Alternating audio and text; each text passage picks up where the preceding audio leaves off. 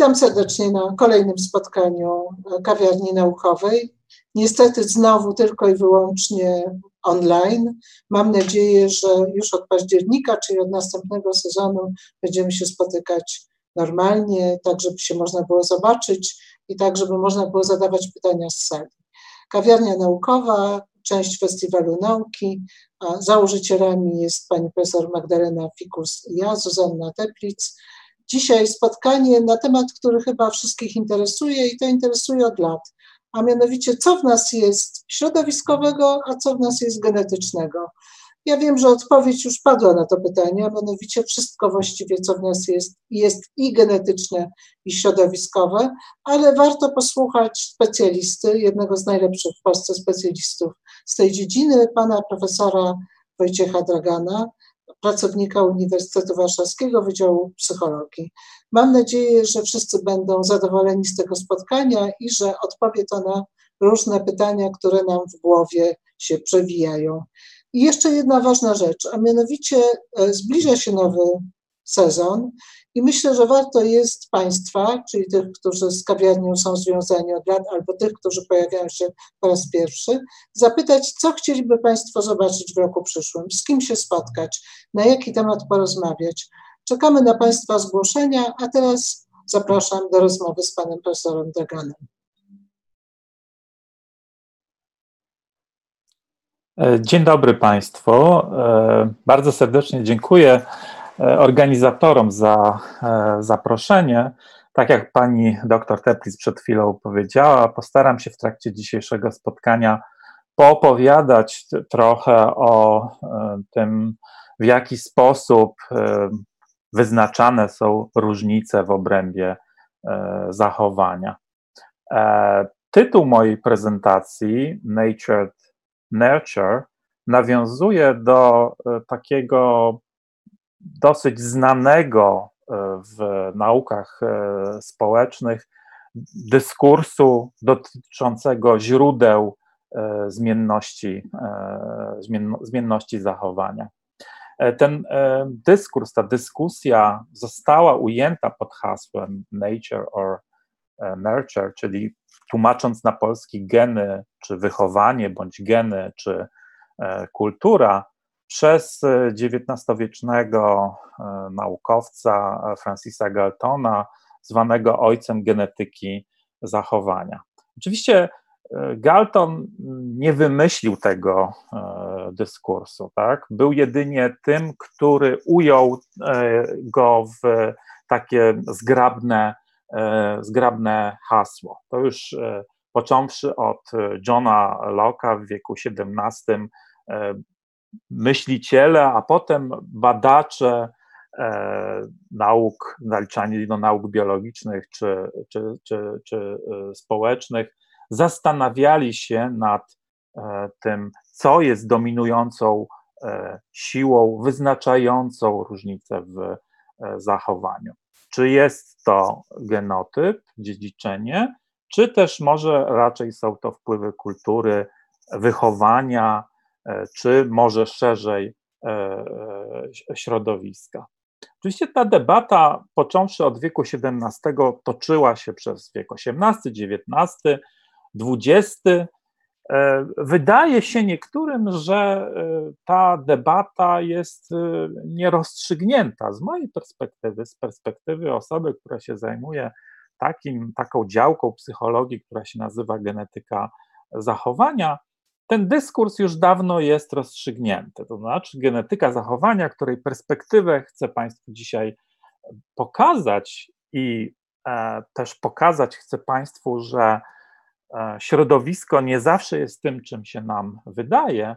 Otóż ta genetyka zachowania już od e, mniej więcej 60 lat wie, że różnice w zachowaniu wyznaczane są zarówno przez genotyp, jak i e, środowisko. Ja oczywiście nie będę wchodził w szczegóły tego e, dyskursu, nie będę przedstawiał Państwu wszystkich e, stanowisk zajmowanych przez licznych myślicieli i naukowców. Ja chcę Państwu właśnie pokazać tę nieoczywistość, która wynika z takich współczesnych badań dotyczących źródeł zmienności w zachowaniu. Chcę Państwu pokazać takie mm, dane, takie rezultaty badań, które pokazują, że środowisko w gruncie rzeczy może być e, rozumiane jako wpływy pewnych czynników e, biologicznych. Te badania, o których będę Państwu mówić, e, to są badania dotyczące Zresztą na życzenie organizatorów, e, tutaj kłaniam się pani e, profesor Fikus, e, na, na życzenie organizatorów to będą badania, które będą dotyczyć jednego z tematów, którymi się ostatnio zajmuję, czyli właśnie podstaw orientacji seksualnej. Wracamy do genetyki zachowania. Powiedziałem Państwu, że Genetyka zachowania od 60 lat mniej więcej wie, tak, bo to ustaliła w toku licznych swoich e, analiz, że za zmienność w e, zachowaniu, za różnicę w obrębie e, zachowania, czyli to, co tutaj ująłem pod hasłem fenotyp, odpowiada zarówno genotyp, jak i środowisko. Tak? Czyli możemy sobie wyrysować linię od genotypu do fenotypu i od środowiska do fenotypu. To są te dwie główne siły, które e, odpowiadają za zmienność w obrębie zachowania, które wyznaczają nam różnice w obrębie zachowania. Te ponad 60 lat rozwoju genetyki zachowania pokazały, że te dwie siły nie są od siebie e, niezależne. Znaczy, wiemy współcześnie, zarówno z takich badań, e, zarówno z zakresu genetyki zachowania, jak i też badań po prostu genetycznych, że e, środowisko modyfikuje nam genotyp i jego wpływ na zachowanie, no ale też w, w ramach oddziaływań jednego i drugiego e, czynnika, genotyp będzie nam modyfikować wpływ środowiska i jego wpływ na wpływ tego ostatniego na zachowanie. Czyli jak widzimy, e, nie są to od siebie niezależne e, siły. Ja będę chciał Państwu pokazać te, mm, pokazać, że tak powiem, coś, nieco inną perspektywę. Znaczy, chcę Państwu taką, pokazać perspektywę, w której środowisko nie jest tylko tym, czym się tradycyjnie wydaje, że e, jest, bo tradycyjnie, jak myślimy sobie o wpływach środowiskowych na e, zachowanie człowieka, to myślimy o wychowaniu. W perspektywie genetyki zachowania, jak myślimy o e, zachowaniu, o różnicach w obrębie e, zachowania, to e,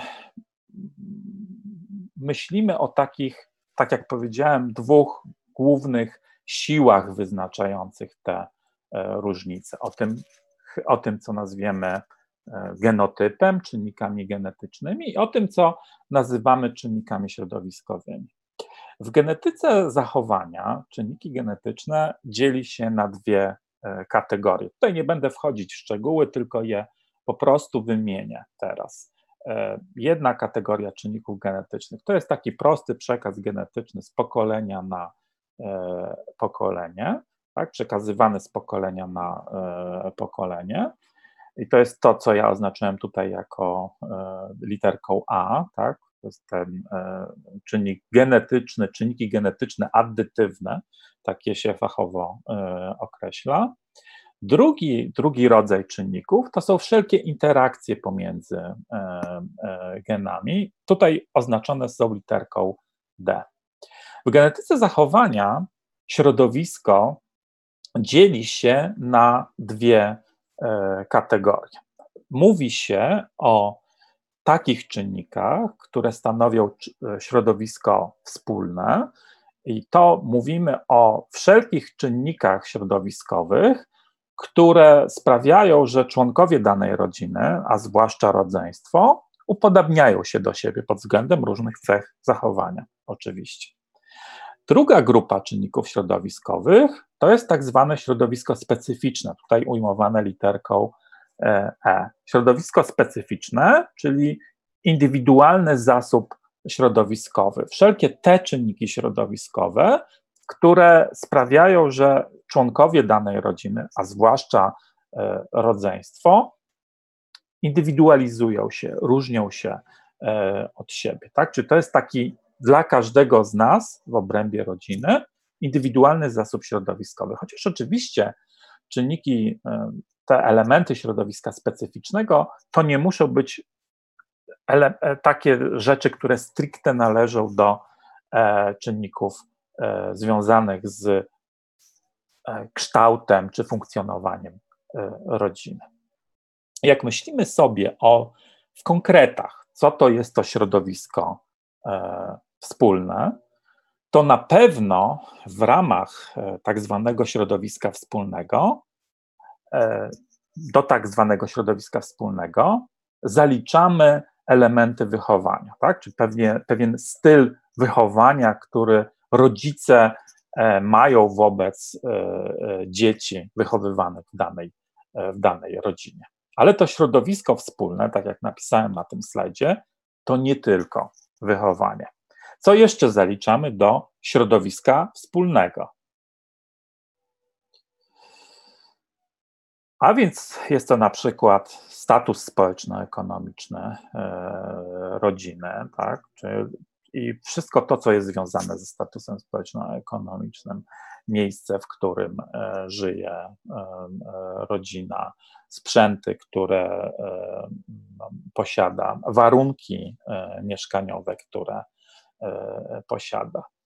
Do takich elementów środowiska wspólnego też będą, będzie się zaliczać na przykład liczba osób stanowiących rodzinę, w tym liczba dzieci. To jest oczywiście niejako związane ze statusem społeczno-ekonomicznym w różny sposób.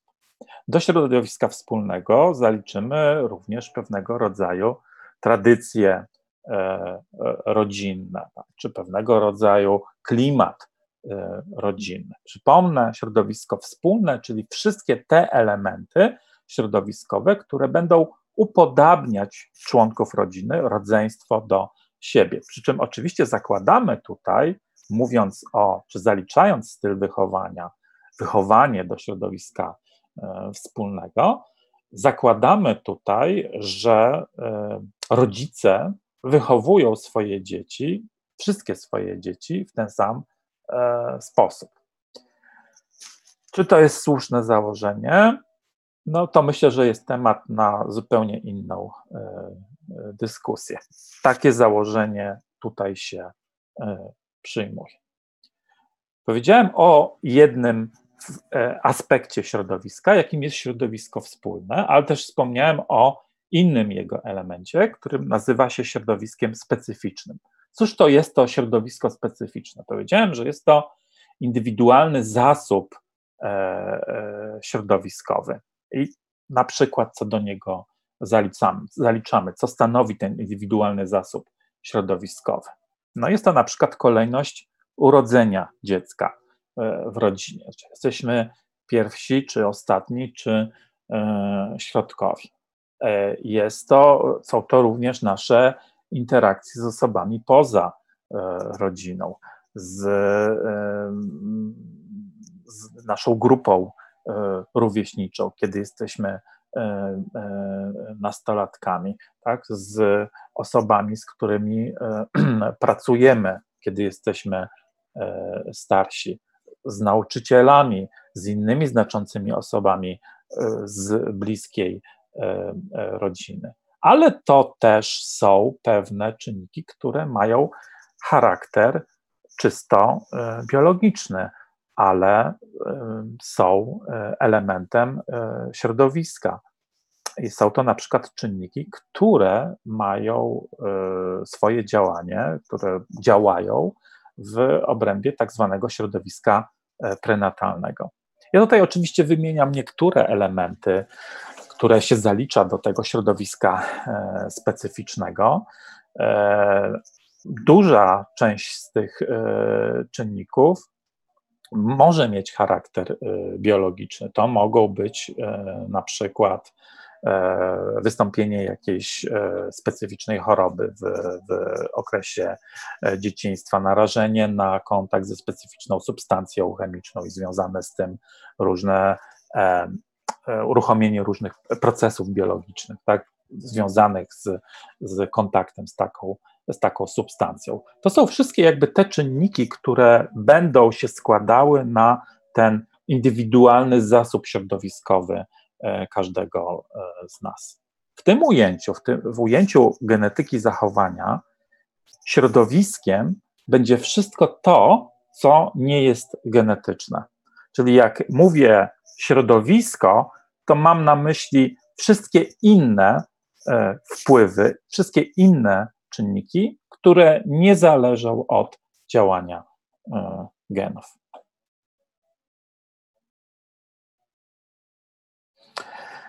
Przy okazji e, mówienia o takich podstawach e, genetyki e, zachowania, o tych dwóch elementach wpływu na zmienność zachowania, wpływie genetycznym i wpływie środowiskowym, chciałbym wyjaśnić pojęcie, które jest kluczowe dla właśnie takich badań z zakresu genetyki zachowania, jakim jest odziedziczalność. Odziedziczalność to jest takie pojęcie, które mówi nam e, o tym, jaką część zmienności w, w, zakresie danego zachowania, czyli jaką część tego tortu, którą ja tutaj, który ja tutaj na slajdzie e, pokazałem, e, jaka część tego tortu jest konsekwencją wpływów genetycznych. Czyli innymi słowy, odziedziczalność to jest taka miara, taki wskaźnik, który mówi nam o tym, jak bardzo różnice pomiędzy ludźmi w obrębie danego zachowania wynikają z wpływów e, genetycznych. Czyli jeżeli powiem o tym, że jakieś zachowanie ma odziedziczalność 40%, to oznacza to, że w 40% w różnice pomiędzy ludźmi w danej e, populacji, którą badamy, wynikają z wpływów genetycznych. Pozostała część, oczywiście 60%, to są wpływy e, środowiska, rozumianego, tak jak powiedziałem, czyli to jest wszystko to, co nie jest wpływem genetycznym. I jak Państwu pokazałem przed chwilą, wszystko to, co nie jest wpływem genetycznym, równie dobrze może być innym, aktywnością innego czynnika e, biologicznego. Czyli jeszcze raz, odziedziczalność to jest po prostu taki, taka część zmienności, różnic pomiędzy ludźmi w, dan, w obrębie danego zachowania, którą można, e, którą można wyjaśnić za pomocą wpływu, wpływu e, e genów. To nie jest taka miara, e, tutaj robię, zrobię małą dygresję, to nie jest taka miara, za pomocą której moglibyśmy powiedzieć, że mm, dane zachowanie u danej osoby E, jest e, w, w danym procencie konsekwencją wpływu genetycznego. Czyli jeżeli ja mówię, że jakieś zachowanie, powiedzmy cecha osobowości, ma odziedziczalność 40%, to nie oznacza, że ta moja cecha osobowości w 40% wynika z wpływu e, genów, a 60% ze środowiska.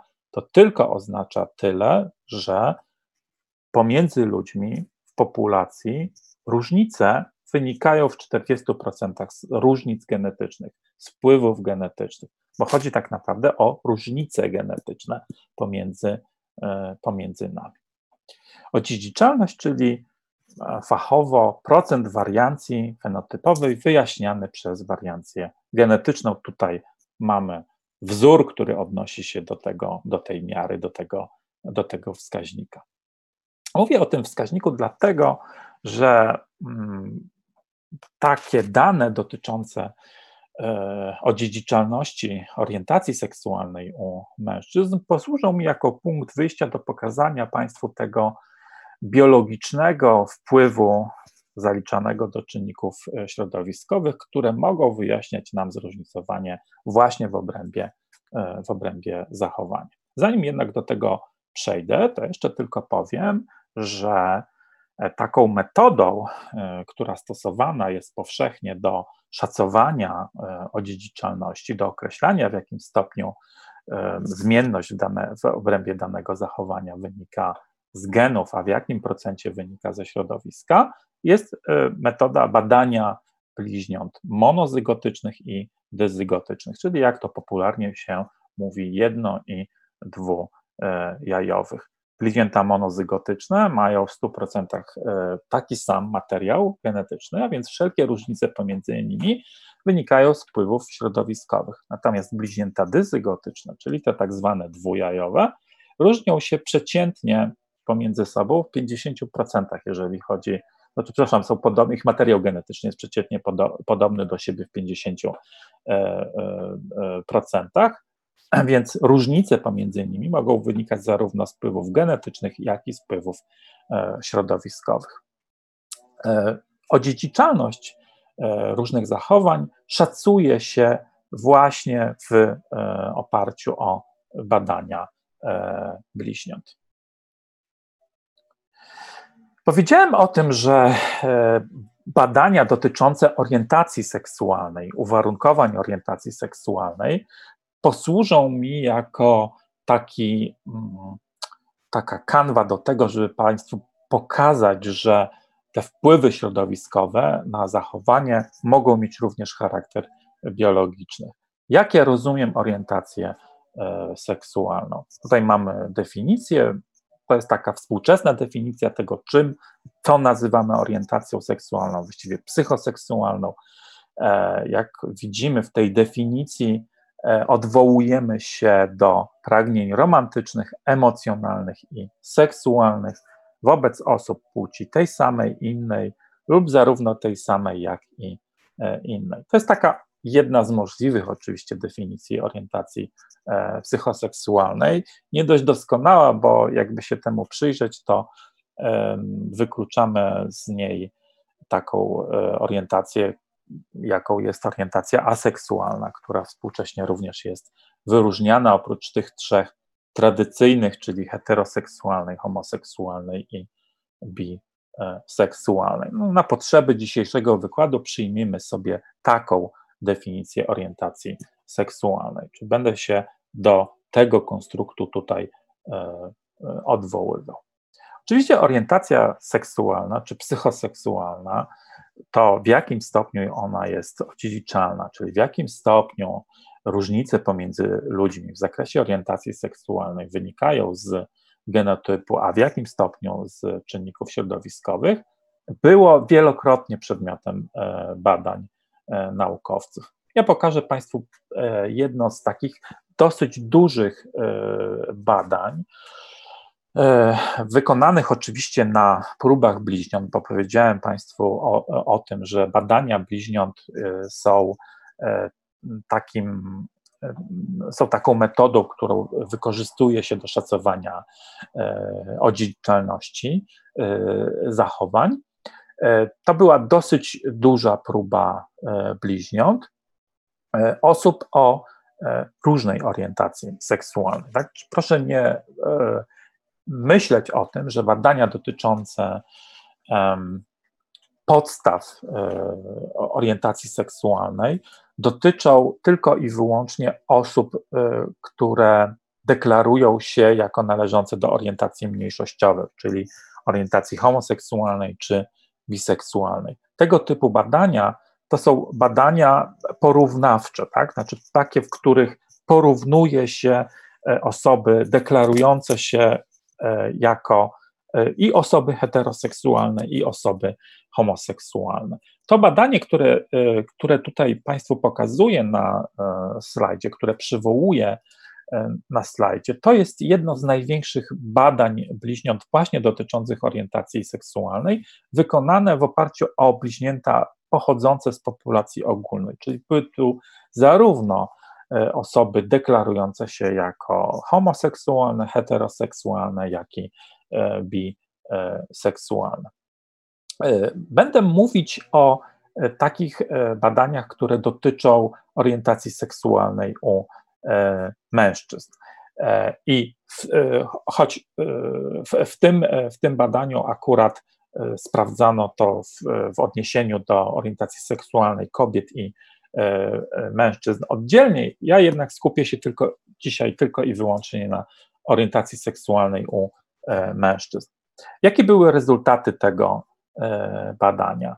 W tym badaniu pokazano, że odziedziczalność orientacji seksualnej wynosiła 45%, czyli to, co tutaj zostało oznaczone jako A kwadrat, tak, odnosi się do udziału genów w wyjaśnianiu różnic w zakresie orientacji seksualnej. Czyli jak widzimy w tej populacji za różnice w zakresie orientacji seksualnej w 40% odpowiedzialne były e, geny.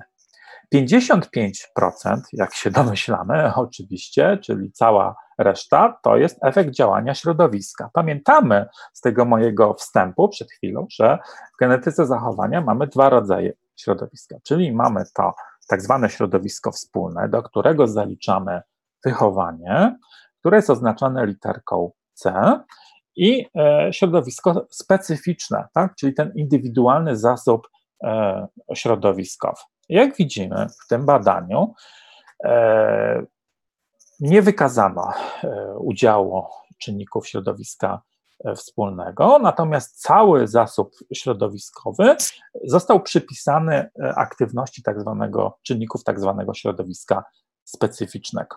To jest taki wynik, który został zreplikowany w wielu innych badaniach. To znaczy, w wielu badaniach E, opartych o e, metodę e, bliźnią dotyczących orientacji seksualnej mężczyzn za różnice w zakresie orientacji seksualnej w 30-40% odpowiedzialne były czynniki genetyczne, natomiast za całą resztę odpowiedzialne były zasób środowiska specyficznego. Tak? Czyli jakby tutaj te badania nie pokazują, by styl wychowania, e, jakieś tutaj takie mm, wpływ rodziców, tak, taki ściśle e, określony miał e, znaczenie.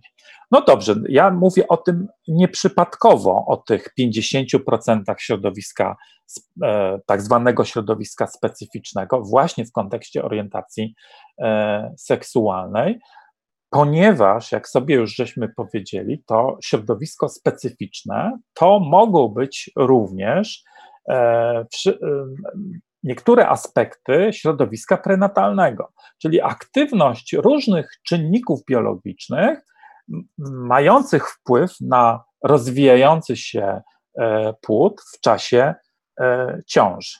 Tak się składa, że e, wiele badań dotyczących źródeł orientacji seksualnej, pokazuje takie dwie główne potencjalne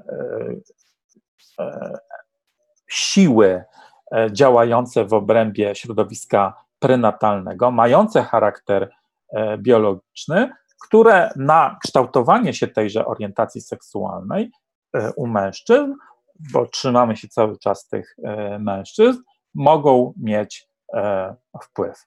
Jedna z tych e, sił to jest aktywność hormonów płciowych. Ja tutaj pokazuję tę, tę planszę teraz nie po to, by łączyć płeć z orientacją seksualną, ale po to, by przypomnieć Państwu, że różne cechy z które mm, są charakterystyczne e, dla obydwu e, płci, nie są tylko i wyłącznie konsekwencją e, genów, ale również wyznaczane są przez aktywność hormonów płciowych, estrogenów i androgenów w okresie prenatalnym. Czyli pewien stosunek tak zwanych hormonów płciowych męskich do tak zwanych hormonów płciowych żeńskich. Mówię tak zwanych, ponieważ e, współcześnie wiemy, że nie ma czegoś takiego jak tak zwane hormony męskie i tak zwane hormony żeńskie, tak, czy są po prostu one w różnym stężeniu u przedstawicieli obydwu płci biologicznych, natomiast nie możemy im przypisać tych określeń żeńskie, męskie. E, to stężenie jednego, jednej grupy hormonów do drugiej grupy e, hormonów będzie e, również takim czynnikiem, który będzie kształtować różne cechy drugo- i trzeciorzędowe związane z płcią. Ten mechanizm wpływu hormonów płciowych w okresie prenatalnym jest widziany jako podstawa różnicowania się e, orientacji, e, orientacji seksualnej u kobiet i u, e, u kobiet i u mężczyzn. Główną rolę przypisuje się tutaj aktywności androgenów, czy właściwie stosunkowi poziomu androgenów do estrogenów w środowisku, środowisku prenatalnym. Ta hipoteza, hipoteza mówiąca o e, hormonalnym e, kształtowaniu się, e, hormonalnym źródle orientacji seksualnej w okresie prenatalnym, zakłada, że pewien atypowy poziom androgenów, czy pewien atypowy stosunek androgenów do estrogenów będzie e, skutkował rozwinięciem się u, e, u osoby mm, dorosłej e, jednej z orientacji mniejszościowych. I tak, gdy w przypadku płodu żeńskiego, czy płodu, który będzie miał płeć genotypową, tak, czy tą genetyczną XX, będziemy mieli ten atypowy, wysoki poziom e, androgenów w stosunku do e, estrogenów, to ta hipoteza zakłada, że z e, tak urodzonego dziecka, tak urodzone dziecko tak, będzie rozwijać u siebie orientację homoseksualną, tak? Czy będziemy mieli w dorosłym życiu do czynienia z kobietą homoseksualną. I Przeciwnie, w przypadku płodu e, męskiego, e, kiedy mie będziemy mieli do czynienia z e, niskim stosunkiem androgenów do estrogenów, w życiu tak, dorosłym będziemy mieli do czynienia z mężczyzną homoseksualnym. Czyli chodzi tak o ten poziom E, stosunek jednej grupy hormonów, stężenia jednej grupy hormonów do drugiej w okresie życia, e, w okresie życia prenatalnego. Czy my tę hipotezę możemy w jakiś sposób weryfikować i czy się ją e, weryfikuje, mogą Państwo zapytać. Oczywiście takich badań, bezpośrednich badań wiążących poziom hormonów w okresie prenatalnym z orientacją seksualną nie ma z różnych względów. Tak? Ze względów chociażby organizacyjnych, ale w dużej mierze ze względów e, etycznych. E, tego typu badania, takie bezpośrednio wiążące te dwie rzeczy ze sobą, są niemożliwe. Natomiast jest cały szereg różnych cech, które, pod względem których są różnice międzypłciowe pomiędzy kobietami i e, mężczyznami, które traktuje się jako pewnego rodzaju marker e, związany z e, aktywnością hormonów prenatalnych, w, e, e aktywnością hormonów płciowych w okresie e, prenatalnym. Ta hipoteza zakłada, że ten e, atypowy stosunek jednej grupy hormonów do drugich w okresie prenatalnym nie tylko będzie kształtować orientację mniejszościową, orientację seksualną, ale również będzie kształtować różne inne cechy, na przykład o charakterze funkcjonowania poznawczego, czy budowy e, mózgu, czy różnych e, wskaźników antropometrycznych, które to cechy są pod względem których to cech stwierdzamy systematyczne różnice międzypłciowe. Jedną z takich cech, pod względem których stwierdza się różnice międzypłciowe i która traktowana jest jako pewnego rodzaju marker wpływu hormonów prenatalnych, jest stosunek drugiego i czwartego, e, czwartego e, palca u e, ręki, czyli wskazującego, stosunek palców wskazującego i serdecznego. Jak się popatrzy na ogólnie kobiety i mężczyzn, tak, to kobiety od mężczyzn różnią, czy mężczyźni od kobiet różnią się tym e, stosunkiem. Generalnie kobiety mają większy stosunek drugiego palca, e, długości drugiego palca do długości czwartego palca niż e, mężczyźni. Próbowano powiązać relacje pomiędzy stosunkiem drugiego i czwartego palca z orientacją E, seksualną. I cóż się okazało? Okazało się w różnych badaniach, że kobiety homoseksualne, lesbijki, mają bardziej męskie e, proporcje niż kobiety heteroseksualne. Z kolei mężczyźni homoseksualni, geje, mają bardziej kobiece proporcje, e, jeżeli chodzi o stosunek drugiego i czwartego palca, niż mężczyźni E, seksualni. To jest oczywiście, tak jak Państwu powiedziałem, jeden z e, wskaźników tego wpływu e, hormonów prenatalnych, czy hormonów płciowych, przepraszam, w okresie prenatalnym, które traktuje się jako pewnego rodzaju wskaźnik, marker związany z różnicowaniem orientacji, orientacji psychoseksualnej. Czyli jedna grupa czynników biologicznych działających w okresie prenatalnym, które możemy uznać za wpływ środowiskowy, to, jest, e, to, są, to są czynniki związane z wpływem hormonalnym. Jaka jest ta druga grupa, o której wspomniałem? A, przepraszam, zanim przejdę do tej drugiej grupy, jeszcze zapomniałem, że mam jeszcze jeden e, slajd.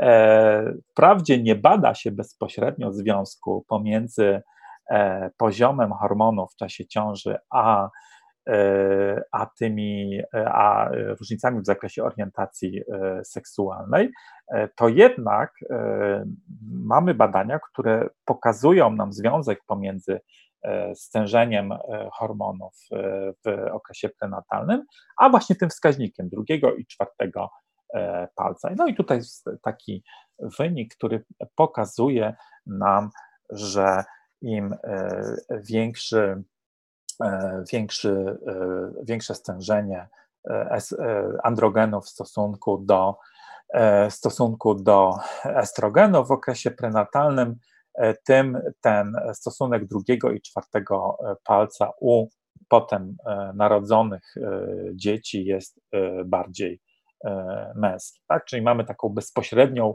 pokazaną właśnie w takim badaniu zależność pomiędzy E, stężeniem hormonów e, e, androgenów i stosunkiem androgenów do, do estrogenów, a właśnie wskaźnikiem 2D, 4D, czyli tą, tą zależnością pomiędzy drugim a, a czwartym palcem. Co nam sugeruje, tak, czy pokazuje nam, że no, ta hipoteza E, jest e, bardziej prawdopodobna. Tak, ta hipoteza dotycząca związku e, hormonów w okresie prenatalnym z zróżnicowaniem w zakresie orientacji seksualnej. No i właśnie, teraz możemy przejść do tej drugiej grupy czynników. Jedna to, to są czynniki hormonalne, no a druga to są czynniki związane z wpływem E, aktywności układu immunologicznego. I ten wpływ aktywności układu, immunologicznego to jest taka hipoteza, która wyrosła z obserwacji, pewnej obserwacji dotyczącej e, zróżnicowania orientacji seksualnej u e, mężczyzn. Ta obserwacja ujmowana jest pod nazwą tak zwanego efektu starszeństwa braci. To jest taki efekt, który został potwierdzony w wielu różnych, wielu różnych kulturach i to jest taki efekt, który mówi nam, pokazuje nam, że im więcej starszych braci mamy, tym bardziej jest prawdopodobne, że będziemy mężczyzną o orientacji homoseksualnej. Liczba starszych braci zwiększa nam prawdopodobieństwo, że ten brat najmłodszy będzie miał orientację e, homoseksualną. Jest to taki efekt, który, tak jak Państwu powiedziałem, został potwierdzony w wielu różnych e, kulturach. Jest to efekt, który dotyczy tylko i wyłącznie liczby starszych braci, nie liczby rodzeństwa czy liczby sióstr. I jest to efekt, który e, działa, w cudzysłowie, tylko i wyłącznie w odniesieniu do orientacji seksualnej u mężczyzn. Nie stwierdza się go w e, przypadku orientacji seksualnej u e, kobiet, tak? Czyli to jest efekt, który występuje tylko i wyłącznie w przypadku, e, w przypadku e, mężczyzn. Jeszcze raz powtórzę, liczba, im więcej starszych e, braci posiadamy, tym są większe szanse na to, że będziemy mężczyzną o orientacji homoseksualnej. Co ma do tego wszystkiego wpływ układu immunologicznego? Oczywiście zaczęto się zastanawiać, skąd taki efekt e, wynika, tak, czego on jest e, konsekwencją. No i pojawiła się pewna hipoteza, którą nazywa się hipotezą immunizacji, która mówi nam o tym, że efekt starszeństwa braci jest w, jest w gruncie rzeczy konsekwencją pewnego zjawiska, które jest typowe do tak zwanego konfliktu serologicznego, który obserwujemy w przypadku grup krwi u e, ludzi. Być może Państwo pamiętacie, że e, w, e, w ramach tak zwanych grup e, krwi u ludzi mamy rozróżnienie ze względu na posiadanie czynnika RH. Tak? Niektórzy z nas mają grupę krwi e, z RH, inni mają RH e, minus. W przypadku, kiedy mamy niezgodność pomiędzy grupą krwi występującą u płodu, a grupą krwi występującą u matki pod względem właśnie czynnika RH, może dojść do tak zwanego konfliktu serologicznego. Układ immunologiczny e, matki będzie traktował e, w takim najbardziej dużym uproszczeniu e, rozwijający się płód jako pewnego rodzaju czynnik obcy i jakby będzie starał się to ten obcy czynnik zlikwidować, tak jak działa, tak jak mówię, w bardzo dużym uproszczeniu układ immunologiczny, czyli wytwarzane są pewnego rodzaju przeciwciała, tak, związane z obecnością e, specyficznych białek, które są nietypowe dla e, organizmu matki. Tutaj zrobiono pewnego rodzaju analogię tak, do tego konfliktu serologicznego przy tej hipotezie immunizacji, mówiąc o tym, że być może u niektórych kobiet, niektóre kobiety ich e, układ immunologiczny e, każdą ciążę z płodem męskim będą traktować, będzie traktować układ immunologiczny jako czynnik e, obcy, tak? taki czynnik, który, tak, którego trzeba się pozbyć, który trzeba, który trzeba niejako zlikwidować, e, tak mówiąc, mówiąc kolokwialnie. Z każdą kolejną ciążą męską, z każdym kolejnym płodem męskim, stężenie tych przeciwciał dotyczących białek specyficznie męskich w krwiobiegu takiej kobiety będzie czy powinno rosnąć. Te przeciwciała, tak, im więcej takich przeciwciał, tym większy ich wpływ, tak zakłada ta e, hipoteza, tym większy ich wpływ na rozwijający się płód, tak? Czyli więcej jakiegoś stężenia jakiegoś czynnika biologicznego, tym większe prawdopodobieństwo, że będzie on miał wpływ na rozwój danego, danego, danego płodu. To, ten wpływ zakłada oczywiście pewnego rodzaju e, atypowy rozwój w zakresie znowu, czy to budowy, czy później e, funkcjonowania w zakresie e, psychoseksualnym. Czyli tutaj mamy taką hipotezę, która zakładałaby, że efekt starszeństwa braci jest konsekwencją tak naprawdę pewnej aktywności układu immunologicznego e, matki. Ja po prawej stronie tego slajdu pokazuję Państwu taki wykres pierwszego badania, w którym ukaza, po, po, po, udało się taki efekt e, zaobserwować. To znaczy, udało się zaobserwować e, różnice w poziomie przeciwciał skierowanych przeciwko specyficznym białkom męskim, czyli produkowanym przez geny położone na chromosomie Y, u kobiet mających, e, e, e, nie mających synów i, ma, i mających synów, duże, du, dużą ilość synów, tak, tym synów deklarujących się jako osoby homoseksualne. To jest takie pierwsze badanie, które pokazało, że ta hipoteza, hipoteza może być prawdziwa. To znaczy, że to wyjaśnienie tego efektu starszeństwa braci właśnie może być związane z wpływem e, czynników e, immunologicznych. To są czynniki, jeszcze raz powtórzę, które będziemy traktować jako wpływ środowiska prenatalnego. Ale jak Państwo widzicie, to są czysto efekty e, biologiczne.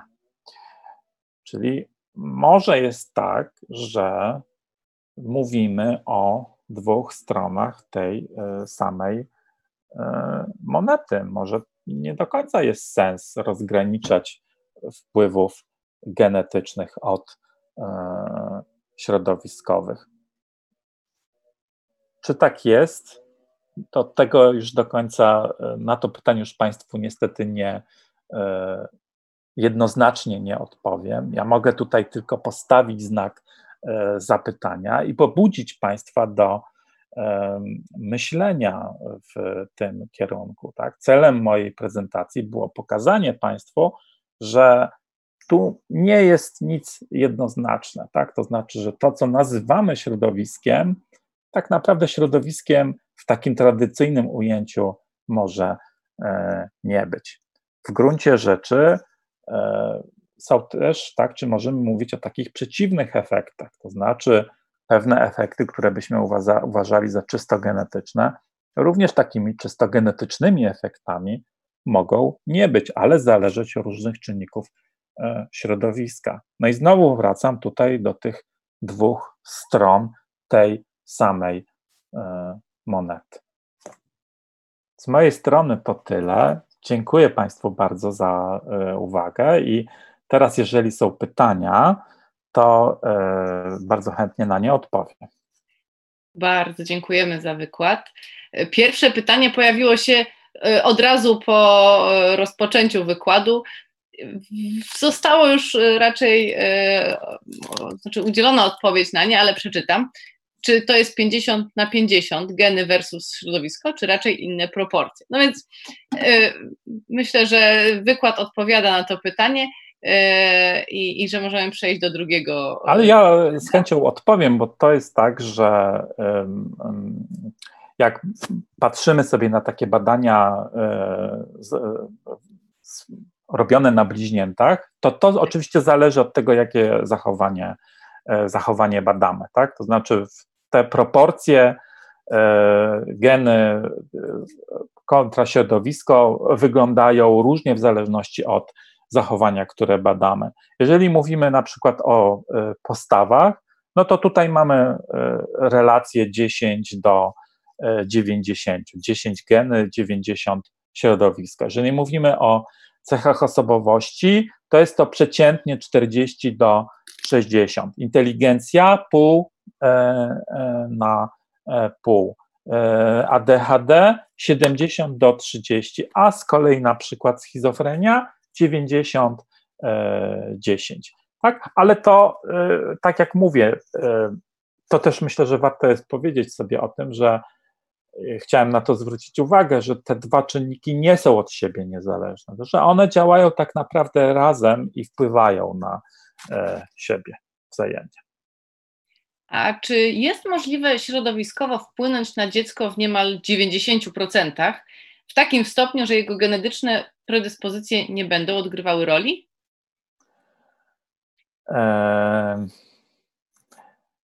To, to jest trudne pytanie, bo e, mogę się domyślać o co, e, e, o co chodzi. E, to może być jakby pytanie nawiązujące do tego wskaźnika odziedziczalności e, zapewne. Ja mówiłem, że ten wskaźnik odziedziczalności nie da się tak łatwo przełożyć na e, jednostkę. To, że ja mówię o tym, że coś jest odziedziczalne w tylu procentach, to nie oznacza, że moja cecha jest w 40% na przykład wyznaczana przez geny, a resztę, e, resztę środowiska. Ten wskaźnik nie da się tak łatwo przełożyć na, e, na jednostkę. Tak? Czy możemy mówić o tym, że jakieś e, zachowanie silniej bądź słabiej jest warunkowane genetycznie, natomiast w odniesieniu do pojedynczej jednostki tego się zrobić nie da. Natomiast to jest tak oczywiście, że wpływ na zachowanie dziecka mają różne e, czynniki i te obydwa czynniki, i czynnik genetyczny, i środowiskowy, nie działają od siebie, e, od siebie niezależne, tylko wchodzą w różnego rodzaju, e, w różnego rodzaju relacje. Można sobie oczywiście wyobrazić taką sytuację, w której czynniki środowiskowe działają kontra czynnikom genetycznym, bądź też na przykład współdziałają i są, ich efekty są wtedy trudne do, do, do e, rozróżnienia. Na przykład, kiedy mamy e, dziecko pary osób z wysokim ilorazem inteligencji, no to możemy zakładać, że po tych rodzicach takie dziecko odziedziczyło również takie geny, które będą no, sprzyjać rozwojowi tej, tego wysokiego ilorazu inteligencji. Ale jednocześnie z różnych badań wiemy, że jak mamy osoby, które mają wysoki iloraz inteligencji, no to też one kształtują swoje środowisko w pewien specyficzny sposób, tak? Czy mają na przykład, nie wiem, dużą bibliotekę, y, często korzystają z, z różnych okazji um, kulturalnych, tak? Czy jakby robią różne rzeczy też takie e, kształtujące to środowisko tego rozwijającego się dziecka w pewien specyficzny sposób.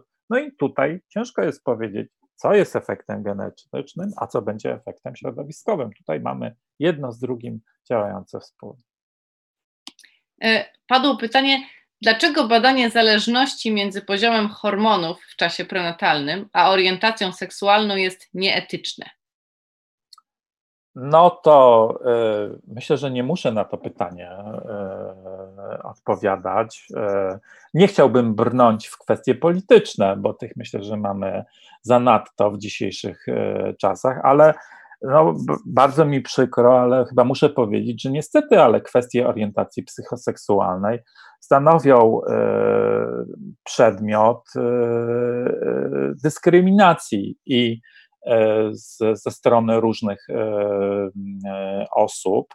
I no, trudno jest tak naprawdę namówić nie tylko w Polsce, ale również w, w, krajach zachodnich, gdzie ten poziom dyskryminacji jest mniejszy, ale również jest, do udziału, trudno by było do udziału w takim badaniu kogokolwiek namówić. Nadal ludzie się boją ujawniać swojej orientacji E, psychoseksualnej, mniejszościowej. A czy geny mają wpływ na nasze możliwości poznawcze? Czy każde dziecko może osiągnąć podobne wyniki w szkole, a różnice w wynikach są spowodowane środowiskiem, rodziną, nauczycielami, etc.? Hmm. To jest trudne pytanie. Czy każde dziecko może osiągnąć ten sam e, wynik w szkole? Nie. Nie. E, nie, ale nie, nie, nie dlatego, że to jest tylko i wyłącznie kwestia genów, bądź tylko i wyłącznie kwestia e, czynników środowiskowych. Myślę, że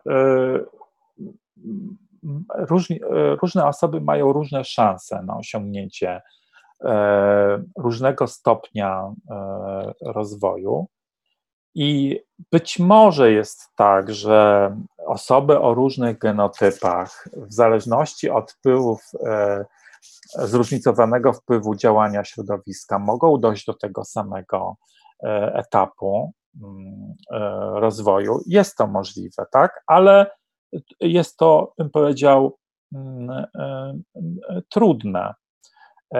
Takie badania, które zostały wykonane w Wielkiej Brytanii, pokazują, że jest, e, że takiemu zróżnicowaniu pod względem statusu społeczno-ekonomicznego towarzyszy również zróżnicowanie pod względem e, e, genotypów, tak? Czyli ludzie zamieszkują różne części Wielkiej Brytanii w są w pewnego rodzaju gettach, w cudzysłowie, gettach socjoekonomicznych, którym towarzyszy określony, e, określony genotyp.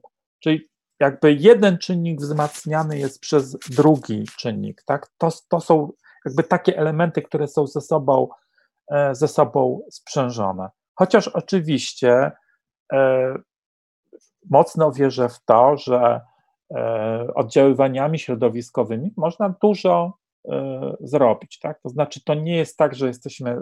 Ja znaczy nie podzielam takiego przekonania niektórych genetyków zachowania, że jesteśmy skazani na wpływ e, genetyczny. Mam mocne przekonanie o tym, że wpływem środowiskowym można wiele zdziałać. Nie mamy więcej pytań. Bardzo dziękujemy za wykład i zmieściłem się w, zmieściłem się w czasie, jest prawie godzina. Zgadza się. Także, tak. Bardzo, bardzo serdecznie, serdecznie, tak. Ja też bardzo serdecznie dziękuję wszystkim za wysłuchanie tego e, wykładu. Gdyby komuś e, a przyszło jakieś pytanie e, do mnie po wysłuchaniu tego wykładu, to zapraszam, można do mnie e, napisać na mojego maila wdragan małpka psychuw.edu.pl bądź też można mnie znaleźć na e, Facebooku, jeżeli ktoś ma e, Facebook. Ja mam tam takiego e, mikrobloga, gdzie staram się zamieszczać różne e, właśnie e, teksty dotyczące czy popularyzujące wiedzę z zakresu genetyki zachowania i nauk, e, nauk pośrednich także zapraszam do odwiedzin tego mojego mikrobloga i czytania tych moich różnych tekstów, no i zadawania e, pytań. Dziękujemy. Jeszcze raz bardzo dziękuję.